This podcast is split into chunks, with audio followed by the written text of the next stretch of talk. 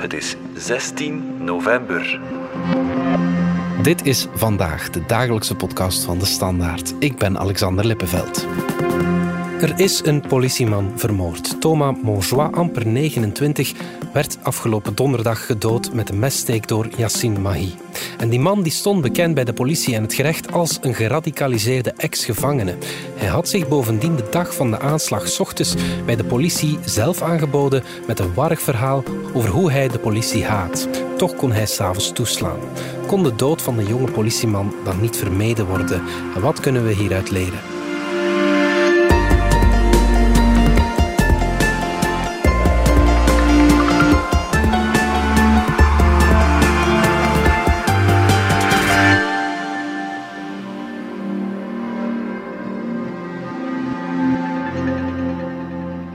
Eekhout, onze gerechtsjournalist. Neem ons eerst nog eens mee naar die uh, fatale donderdag uh, vorige week. Wat is er toen gebeurd? Wel, Yassin Mahi, uh, die heeft zich aangeboden aan het politiekantoor in Everen. exact om 9.35 uur. En hij heeft zich daar aangeboden met een heel verward verhaal. Hij zei tegen de aanwezige agenten dat hij een haat had ontwikkeld tegen de politie. Een haat die uit zijn jeugd uh, voortkwam. Mhm. Dat hij soms droomde van uh, aanslagen te plegen tegen de politie. Maar dat hij die gedachten niet wilde hebben, dat hij daarvan af wilde. Mhm. En hij vroeg ook letterlijk om psychologische hulp. Dus hij vroeg eigenlijk aan de agenten: help mij. Dan zou je denken, ze gaan hem helpen, maar dat is niet gebeurd. Maar ja, eigenlijk is dat wel gebeurd. Hè. Mhm. Dus de agenten hebben toen gedacht, ja, ze hebben natuurlijk gekeken in, uh, in hun computer, ze hebben gezien uh, wie Mahi was. Hè. Uh, ex-gedetineerde, maar vooral ook iemand die in de gevangenis geradicaliseerd was. Hè. Mhm. Die agenten hebben natuurlijk gedacht van, ja, wat moeten we daarmee? Dus hebben ze naar het parket gebeld, zoals het, zoals het hoort, naar het parket van Brussel. Mhm. Ze hebben heel die situatie uitgelegd. Van kijk, hier is iemand die dat zegt, die half en half dreigt met een aanslag, maar die toch ook vooral een uh, heel verwarde indruk maakt. Uh, de parketmagistraat van dienst, die heeft daar collega's gebeld, de, de expert groot banditisme, ook de expert terrorisme. Ze hebben zich daar met drie over gebogen. Zij hebben ook gebeld naar de politiezone Zuid, die het radicaliseringsdossier van Mahi beheerde. En ze hebben eigenlijk besloten, na heel dat overleg, van kijk, wij kunnen die man niet uh, aanhouden en in de gevangenis stoppen, Mhm. want hij, ja, hij doet geen concrete bedreiging. We kunnen dat niet zo inschatten. Dan de volgende stap was van, ja, kunnen we hem gedwongen laten opnemen in de psychiatrie? Want die psychiatrie leek hen meer aangewezen net omdat hij zo'n verwarde indruk uh, liet. Ja. Maar dan was de discussie, ja, kan je iemand gedwongen laten opnemen die zich vrijwillig aanbiedt en dan nog eens zelf vraagt om psychologische bijstand? Ja, dan was de conclusie van die parketmagistraat van nee, dat kunnen we niet. Okay. En ja, voilà, dan is er gebeurd wat er gebeurd is. Ja, dus die gedwongen opname, dat is dan niet gebeurd, maar hij is wel naar het ziekenhuis gebracht. Ja, dus um, drie agenten hebben hem met de auto naar het uh, Sint-Lucas ziekenhuis uh, gebracht. Uh, ja, naar de spoeddienst, hè, met de bedoeling van hem op te nemen in de psychiatrie. Die agenten hebben gewacht tot de verpleger of verpleegster uh, eerst met, die, met Mahi is komen praten. Dan is Mahi vervolgens verplaatst naar een, naar een uh, aparte wachtruimte waar hij volgens onze informatie uh, alleen zat. Mhm. En dan zijn die agenten weggegaan. Ja. Maar Mahi heeft, zo blijkt nu, niet gewacht op de psychiater. Hij is gewoon weer weggestapt. Okay. En dat moet kort voor de middag geweest zijn. Wat hij dan in die tussentijd heeft gedaan, ja, dat weten we niet zeker. Maar feit is dat hij die avond voor een rood licht uh, in, de, in de Aarschotstraat in de Noordwijk uh, die twee agenten heeft, heeft aangevallen en dat hij ja, Thomas Monjoie met een mes heeft gedood. Het parket zegt zelf in zijn verdediging heel duidelijk: ons valt niets te verwijten. We hebben gedaan wat we moesten doen. Maar de man wordt naar een ziekenhuis gebracht omdat hij potentieel gevaarlijk is. Een beetje later verdwijnt hij daar en niemand lijkt van iets te weten. Daar is dan toch iets Ja. misgegaan. Hij wordt naar het ziekenhuis gebracht omdat hij ja, in de war is. Ik weet niet of dat je kan stellen dat hij naar het ziekenhuis wordt gebracht omdat hij potentieel gevaarlijk is. Hmm. Nee, die agenten hebben, en het parket heeft zijn, ja, zijn geestestoestand ingeschat en gedacht, die man heeft verpleging nodig. Nu, de discussie is natuurlijk, als Yassin Mahi daar in het ziekenhuis aankomt, hebben die politieagenten blijkbaar op geen enkel moment gezegd tegen de verpleging of tegen de aanwezige dokters, deze man staat op de OCAT-lijst. Oké. Dat was een stukje informatie waar het ziekenhuis misschien iets mee aan had kunnen.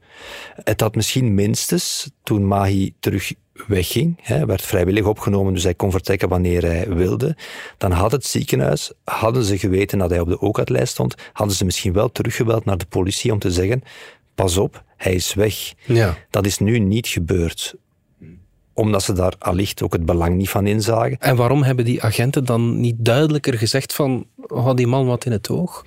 Ja, dat is natuurlijk tot op vandaag een beetje gissen. Het onderzoek zal dat moeten duidelijk maken, maar er is natuurlijk zoiets als, als privacy. Hè. Agenten worden ook niet zomaar geacht om tegen iedereen te zeggen van kijk, pas op, want deze man staat op de OCAT-lijst. Dat hoort, of ze interpreteren dat toch soms zo, sommigen, dat hoort tot hun beroepsgeheim. Nu ja, daar zijn verschillende meningen over. Anderen zeggen, ja, dat, is, dat hoort helemaal niet tot hun beroepsgeheim. Ze hadden dat wel moeten zeggen. Los van het feit of ze het gezegd hebben of niet, blijft het feit dat Mahi vrijwillig is opgenomen. Dus op elk moment had hij kunnen zeggen, ik ben weg. Ja. Daar had hij kennis bij het verplegend personeel dat hij op de OCAT-lijst stond, niks aan veranderd. Hij had op elk moment van de dag, op elk uur kunnen vertrekken. ja. Dat is gewoon zo. Bij een gedwongen opname is dat niet zo. Maar dan komen we terug bij het verhaal. Het parket vond niet dat ze elementen genoeg hadden om hem gedwongen te laten opnemen. Waarom? Hij had zelf gevraagd om opgenomen te worden. En dan zit je met die vrijwilligheid. En dan zegt het parket, ja, als we hem gedwongen hadden willen laten opnemen, hadden we dat aan een dokter moeten vragen, de dokter van dienst, en die zou gezegd hebben, nee, ik laat die niet gedwongen opnemen, want hij wil zelf opgenomen worden. Dus, zegt het parket, uit ervaring, het had zelfs geen zin om dat te vragen, ze zouden het nooit gedaan hebben. Dus ja, dat is een soort catch-22 waar je mee zit. Ja, een catch-22 zeg je, Mark. Minister van Justitie van Quickenborne die zei in ter zake dat er op zijn minst duidelijkere communicatie moet zijn. Nu, wat we moeten doen, is dat in dat soort gevallen van zo'n persoon, als die zich vrijwillig laten opnemen, dat we duidelijker instructies geven aan politie, ook aan ziekenhuis, wat er dan moet gebeuren. Bijvoorbeeld in dit geval was het veel beter geweest dat één informatie was overgemaakt aan het ziekenhuis, over wie het ging, dat de politie aanwezig was gebleven en dat dan bij, dat die persoon dan eventueel ook terugkwam naar het politiekantoor om verdere instructies te krijgen. Dus dat is iets wat we moeten doen. Die wet moet worden aangepast, zodat we in de toekomst daarop veel beter zijn voorbereid. Moet er dan iets gebeuren, Mark? Een ja, aanpassing van de wet bijvoorbeeld, zodat dat probleem zich niet meer kan stellen? Wel, dat is wat minister van Quickenborne gisteren ook in de commissie heeft gezegd. Hij vindt eh, dat die communicatie tussen politie en veiligheidsdiensten en de hulpverlening, dus hier dan de verpleegkundigen en de dokters van Sint-Lucas, dat die beter en duidelijker eh, had gekund. Want misschien, maar ik druk wel op het woordje misschien, had het ziekenhuis geweten dat Mahi op de OCAT-lijst uh, stond, dan hadden ze misschien sneller gewerkt. Ja. Was hij misschien sneller bij een psychiater kunnen gaan? Was hij misschien toch opgenomen geweest? Of hadden ze minstens naar de politie gebeld toen bleek dat Mahi verdwenen was? Dus daar is allicht iets fout gelopen. Of dat dan iets veranderd zou hebben aan wat er gebeurd is, ja, dat is nog maar de vraag natuurlijk. Wat weten we eigenlijk over zijn radicalisering? Hij stond op die OCAT-lijst, maar is hij ook een ja, zwaar geval, zogezegd? Uh, Yassin Mai is in de gevangenis geradicaliseerd mm. in, in, rond 2015 onder invloed van medegedetineerden. Hij heeft ook een, een paar keer in de Deralex-afdelingen gezeten, dus zowel in Hasselt als in Itter. Hè. Dat zijn afdelingen waar eh, geradicaliseerde gedetineerden samen zitten. Ze zitten daar omdat ze dat op die manier geen andere gedetineerden kunnen besmetten met hun ideeën goed. Ja. Dus hij werd toen wel degelijk als heel radicaal beschouwd. Hij is vrijgekomen in 2019. Hij had zijn straf uitgezeten. Hij had zijn straf uitgezeten, dus had geen enkele voorwaarden. Dat kan niet, wettelijk. En toen heeft hij eigenlijk ja, drie jaar gewoon geleefd, proberen een leven op te bouwen. Hij is verhuisd uh, naar Everen, woonde daar in, in een uh, ja, compleet normaal appartementsblok met, met uh, ja, compleet normale mensen. Werd een beetje aanzien als een eenzaad, een beetje de vreemde figuur. Mm -hmm. Maar hij werd dus ook wel degelijk opgevolgd door OCAT en opgevolgd door de sociale diensten. En OCAT had hem ja, een tijd geleden zijn dreigingsniveau, want zo heet dat dan, vastgesteld op twee. Ja. Wat eigenlijk erop neerkomt dat hij niet meer als echt gevaarlijk werd aanzien. Ja, ja oké. Die OCAT-lijst, Mark, volgen we mensen die daarop staan, volgen we die voldoende op? Maar er staan 700 uh, mensen op de OCAT-lijst. Okay, ja. Een aantal daarvan natuurlijk zitten in Syrië of zijn daar al gesneuveld, maar dat is nog niet bewezen, dus staan die nog op de lijst. Maar bon, het zijn er toch verschillende honderden. Hè. Die worden in doog gehouden, daar zijn systemen voor uitgewerkt. Volgens mij werken die zelfs relatief goed. Mm Maar je mag je natuurlijk ook geen uh, illusies maken. Hè. Die, die mensen de klok rond volgen, 24 uur of 24, je weten wat ze doen, dat is onmogelijk. Mm uh, als je ze echt wil onder controle houden, ja, dan moet je een soort uh, Belgisch Guantanamo bouwen. En ik denk dat daar niemand zit op te wachten. Nee, nee.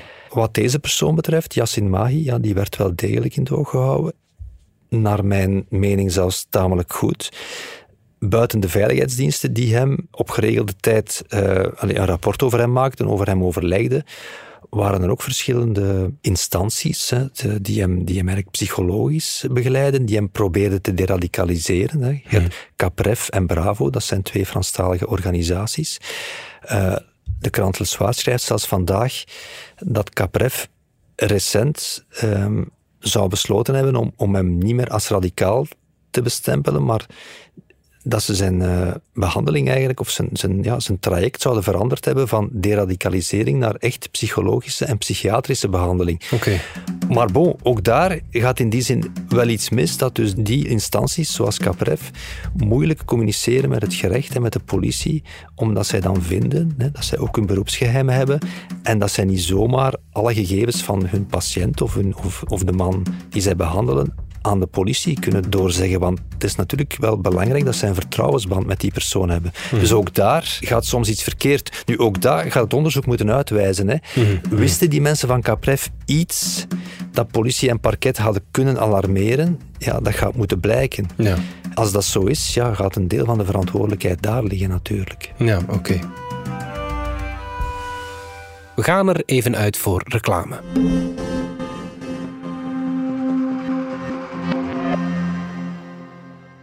Ik ben Elke van Mello, radiostem en actrice.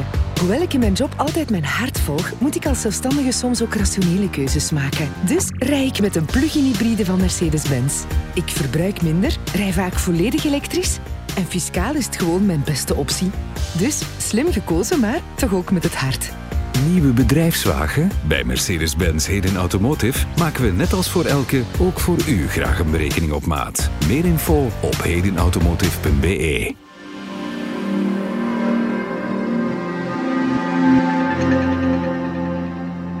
Terug naar de zaak rond de vermoorde agent. Voor minister van Justitie van Quickenborne is het duidelijk, we moeten meer inzetten op psychiatrische zorg. Er is veel te weinig forensische zorg. Dat betekent dat mensen in de gevangenis aan een lot worden overgelaten. als je ziet vandaag dat ja, 30% van onze gedetineerden psychische, psychiatrische problemen heeft, je kunt dat niet oplossen door gewoon en aan een lot over te laten. Dus er moet meer geïnvesteerd worden, ook door de gemeenschappen, ook door volksgezondheid, in begeleiding in de gevangenissen, zodat mensen beter uit de gevangenis komen dan als ze erin gegaan zijn. Ja, ik, ik ben het daar uh, absoluut mee eens.